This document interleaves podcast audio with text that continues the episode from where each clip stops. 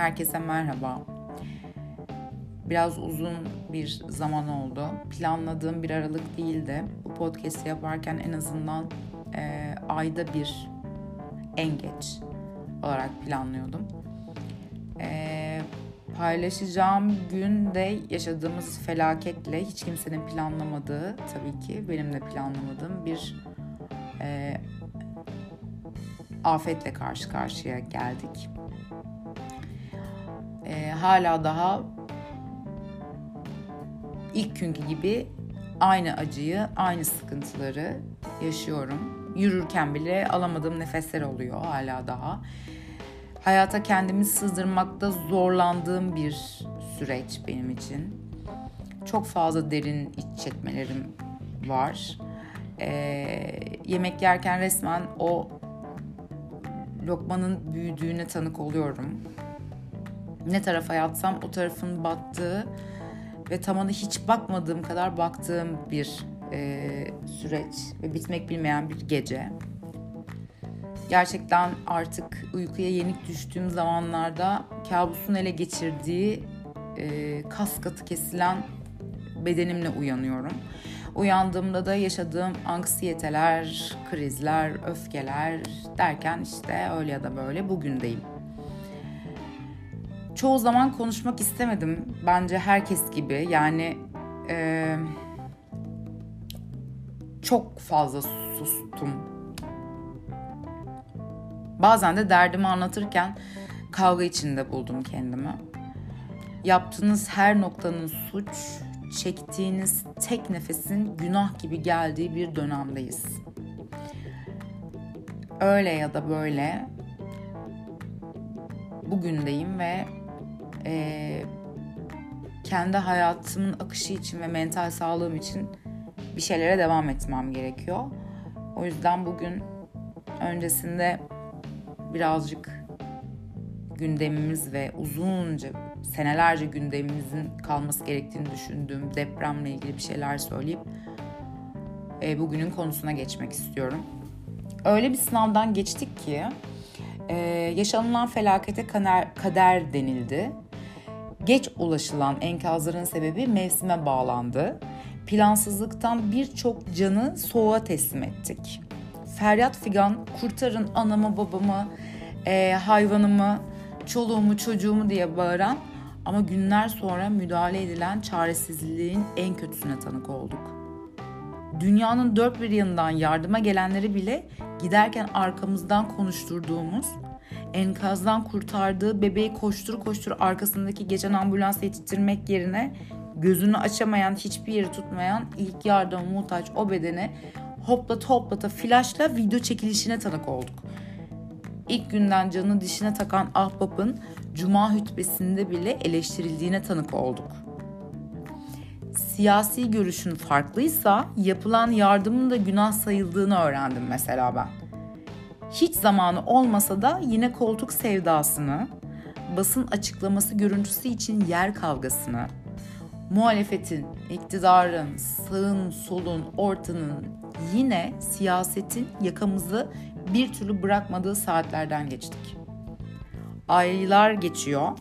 Hala ulaşılamayan enkazların, bugün bile kaybolan canların olduğunu, imar affını, televizyonda yardım toplanırken habersiz adıma yapılan bağışları, ertesi gün toplanılan bağışlara rağmen hala çadır diye feryat figan bağıran insanları, o öksüz kalan çocukları evlat edinmek isteyenleri Diyanet İşleri'nin evlenme engeli uyarılarını ve hatıramdan silinmeyen, asla silinmeyecek olan ama şu an konuşurken bile midemin allak bullak olduğu, yani böyle yemin ediyorum ki başımın döndüğü, nefes alamadığım nice yaş- yaşanılanlara tanık olduk maalesef ki. Hala daha oluyoruz.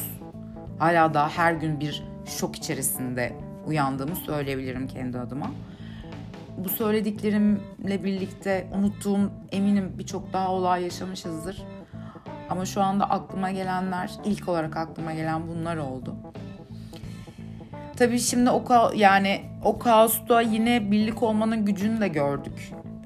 Yani ne yapsak kabımıza sığamadığımız, günlerce kıyafet ayıkladığımız, bütçemizce yardım yolladığımız, dua ettiğimiz, çıkan her canda şükrettiğimiz, tanımadığımız omuzda ortak duygu için konuşmaya gerek duymadan gözyaşı döktüğümüz günlere de ek olarak eklemeliyim. Koliyi bantlayıp araca elden ele yüklenildiğinde hissettiğim mutlulukla e, yola çıkan tırın tekerliği döndüğü andaki yetememe hissiyle sıkışmış ruh halim hala daha devam etmekte. Ya inanın ne insan göresim var ne de millete sövesim var artık. Tek bildiğim bir şey var ki bu felakete sebep olan herkesin tek tek yargılanıp cezalarını çekmesini ve artık bir an önce de toplumun bilinçlenmesini en azından bu yaşanılan felaketin son olmasını diliyorum. Ve yani arkamızda bırakmadan, unutmadan her zaman birlik olarak desteğimizi çekmeden sevgiyle daha da güzel günler görmemizi temenni ediyorum. Bu süreçte sosyal medyanın gücünü de gördük tabii ki. İstenilen yardımlara koştuk, yalan bilgilere küfrettik, insanlığın yüz karalığına şahit olduk. Deprem bölgesindeki videoları izledik de izledik yani. Ee, müziğin bana yaramayan tek tarafı e, onca acı varken o videoların arkasında çalan dokunaklı böyle ruh emici yaşadığınız o acıyı katlamak için yani tek sebebinin o acıyı daha da e, yaşatmak için size konulan daha işte daha da beter hissedebilmenizi sağlayan e, o şarkılardı, müziklerdi. O an hiç gerek olmayan tek yer diyebilirim müziğin gerçekten. Diğer türlü sizin aksinizi müzik benim her anımda, önümde, arkamda, geçimimde. İlk hamlede aklınızda e, ilk gelen müziğin sesini kısmak olurken her videoda neden şarkılarla paylaşıyorsunuz hislerinizi? Bu yasakladığınız şeyle aynı değil mi mesela? Evet anladığınız üzere kulisin bugünkü konusu mesleğim neden yasaklara gebe? Yaşanılan her doğa olayının başımıza gelmesi müstahak görülen gündemsiz tek bir günün geçmediği canım ülkemde ilk yasak getirilen sanki her şeyin sorumlusuymuş gibi neden benim mesleğim? Ya eminim bu söylediklerimi gerçekten kıçından anlayacak birçok kişi olacak. Biz neyin derdindeyiz, siz çalgı çenginin derdindesiniz diye küçümsenecek bu söylediklerim. Ee, ama sizin anlamadığınız ve oturduğunuz yerden yargıda bulunduğunuz, e, o çalgı çengi dediğiniz ve sizin tek derdiniz dediğiniz olay bizim mesleğimiz. Yani eğer siz bunu anlarsanız bu iş çözülecek aslında. Yani şu çok basit bir şekilde örnek verebilirim. Doktor, öğretmen, mühendis gibi bu da bir meslek. Bu meslek sayesinde aynı sizin gibi evimizin kirasını ödeyip yiyeceğimiz yemeğin hesabını e, ödeyebiliyoruz. Ya da ailemize bakabiliyoruz. Üstümüze başımıza kıyafet alıp evdeki hayvanımıza, çoluğumuza çocuğumuza mama alabiliyoruz. Sokak hayvanlarına da yardım edebilen eden e, birçok arkadaşım var aynı benim gibi. Faturaları ödüyoruz mesela. Yani yaşıyoruz sizin gibi. O karşı çıktığınız ve çok garip gelen mesleğimiz sayesinde. Ben şahsen sizin nedense bir türlü kabul göremediğiniz bu meslek sayesinde yapabiliyorum bunları. Yani banka memuru sabah iş yerine giderken ben neden gidemiyorum mesela? Esnaf dükkanını açarken mekan sahipleri, işletmeci neden dükkanını açamıyor? Kasiyer mesaiye başlarken ses teknisyeni, barmen, mutfak sorumlusu, güven, güvenlik görevlisi yani o mekana bağlı her kol neden çalışamıyor? E bunların hepsi meslekten sayılmıyor mu? Yani yaşanılan her olayda siz acı çekerken işe gidebiliyorsunuz da bize neden evde oturma cezası veriliyor? Yani hiç bizim açımızdan bakmayı, düşünmeyi seçmediğiniz için böyle şeyler yaşıyoruz. Genel olarak zaten hep bu böyledir. Mesela bu en son yaşanılan felaketten kaynaklanan e, işimi icra edememe durumuna değinmek istiyorum. E, haft, iki hafta, iki buçuk hafta e, işimi yapmadım. Bu felaketten sonra e, ilk sahneye çıktığım zamanki durumumu size anlatayım. Hiçbir şey değişmedi benim için. Ben de sizin gibi çok keyifsizdim.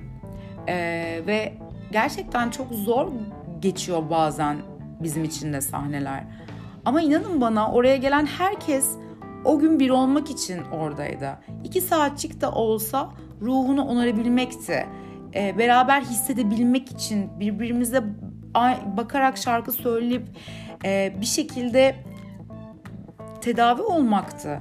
Yani bütün ekip ve zincirleme saydığım her çalışanın yine tek gündemi depremde. Oraya gelen insanların da öyleydi. İnanın bana. Yani siz yasak getirmeseniz de zaten ilk haftalarda kapıları biz kendiliğinden kapatmasını biliriz. Yani biz duyarlı vatandaşlarız ki. Biz nerede nasıl ya benim çalıştığım her mekanda ya da benim tanıdığım her müzisyen arkadaşımın da zaten e, bunu düşünebilme kapasitesi ve vicdanı var.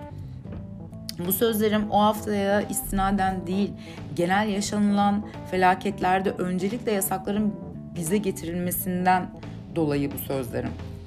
E, kapılar açıldığı an yargıladığınız o bilincinizde herkesin durumlarla baş etme şekli farklı mesela. Yaşanılan durumla e, baş etmek için iki saat arınmak için gelen dinleyiciye ahkam kesmemeyi, enstrümanını çalan müzisyenlere, işte şarkısını söyleyen solist arkadaşlarıma yargı dağıtmamayı öğrenmek zorundayız. Yani müziğin tek amacı eğlendirmek değildir. Müzik gerçekten ruhunuzu onarır ya buna izin verin ve lütfen bunu anlayın artık. Yani ayrıca şöyle de bir şey söylemek istiyorum. Gerçekten gün ve gün sürekli bir durum yaşanıyor. E, e, ilk akla gelen bize konulan o yasaklar oluyor. Fakat buna bir çözüm getirilmesi gerekiyor. Çünkü bizde yaşamaya ve bizim de e, hayatımızın akışına devam etmemiz gerekiyor. Yani güllük gülistanlık olduğu zaman işte müzik yapılsın ama eğlence sektörü aksın fakat işte bir olay geldiğinde herhangi bir durumda yasak sussun işte hop bir şey, ya da keza müziğe başlanıldığında tükaka denilsin. Yani bizim de bir akışımız var yaşıyoruz yahu. Yani ne, ne, bunu anlamak ne kadar zor olabilir ki? Ama buna bir çözüm getirilmesi gerektiğini düşünüyorum kesinlikle. Yani çok yakın bir zamanda pandemide çok ciddi bu durumu yaşayan bir kolduk biz. Nice arkadaşlarımız geçinebilmek için enstrümanlarını sattı. Yani lütfen bana şimdi ne olacak ya enstrümanlarını sattıysa yenisi alınır sağlığına bir şey olsun demeyin. Yani sağlığına da bir şey oldu ruhu gitti. Yani bir şimdi müzisyenin enstrümanı onun için evladı gibidir. Arasında bir bağ vardır, çok kıymetlidir. Ee, ne kadar zor durumda kaldı ki onu sattı. Yani bunu gerçekten anlayabilmeniz gerekli. Ee, yani onu bir alet edevat gözüyle bakamazsınız. Yani kim meslektaşlarımız e, çocuğuma ekmek götüremiyorum deyip intihar etti. Bunu hepimiz şahit olduk. Yani çok kolay unutuyoruz. Unutmamamız gerekiyor. Çok kısa zaman önce yaşandı bu olaylar. Ve hala farkındaysanız biz belli bir saate kadar mesleğimizi icra edebiliyoruz. Yine yasaklar bize devam ediyor yani. Hiçbir şey değişmiyor. Canım memleketim gerçekten ama yani bu yapılırken de oradan oturduğunuz yerden ahkam kesmeniz ya da işte mesajlarla e, bizi kendimizi kötü hissettirmek için elinizden ne gelirse yapmanız hiç hoşuma gitmiyor. Yani bunu lütfen bir son verin. E gerçekten durması gerektiği durumlarda bir birlik mi kurulacak, dernek mi neyse bir şey oluşturulmalı, bir fon olmalı, bir havuz olmalı ya da bilmiyorum. Ve bu zamanlarda müzisyenlere ya da sanatını icra eden e, ama durduru, durdurulan bütün e, meslektaşlarıma bir şekilde e, destek verilmeli. Yani bu bunu artık e, yapmamız gerekiyor. Ne bileyim yani işte o aya faturalarını mı şey yapacaksınız, duraksatacaksınız? Ya da işte taksitlendirecek misiniz? İşte aydan aya belli bir bütçe mi geçeceksiniz? Bilmiyorum ama birinin bu işe gerçekten el atması gerekiyor. Çünkü konuşmaya gerek yok bence. Çok pahalı bir ülkede yaşıyoruz. Geçim sıkıntısını e, eminim herkesin bir noktada hissettiğini düşünüyorum.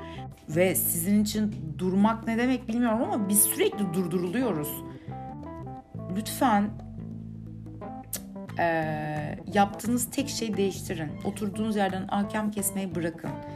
Biliyorum ki bu memlekette bazı şeyleri kökten değiştirmek çok zor.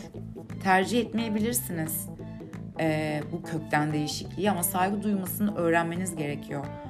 Yani gitmezsin. Sen o anda orada olmak istemezsin ama e, ruhunu tedavi etmek isteyen, orada olmak isteyen, e, şarkı söyleyerek iki saatçik de olsa o beyninin bir şekilde durmasını sağlayan o an ihtiyacı varsa birinin ona sen acını yaşayamıyorsun diyemezsin. Herkes acısını farklı yaşar. Herkesin tedavi olma yöntemi de farklıdır. Biz bunu yaptığımız zaman da mesleğimizden dolayı her defasında bize e, yargı dağıtamaz. Daha konuşmak istiyorum aslında ama bence bu konuyla alakalı bir an önce çözüme ulaştırılması gereken durumlar var.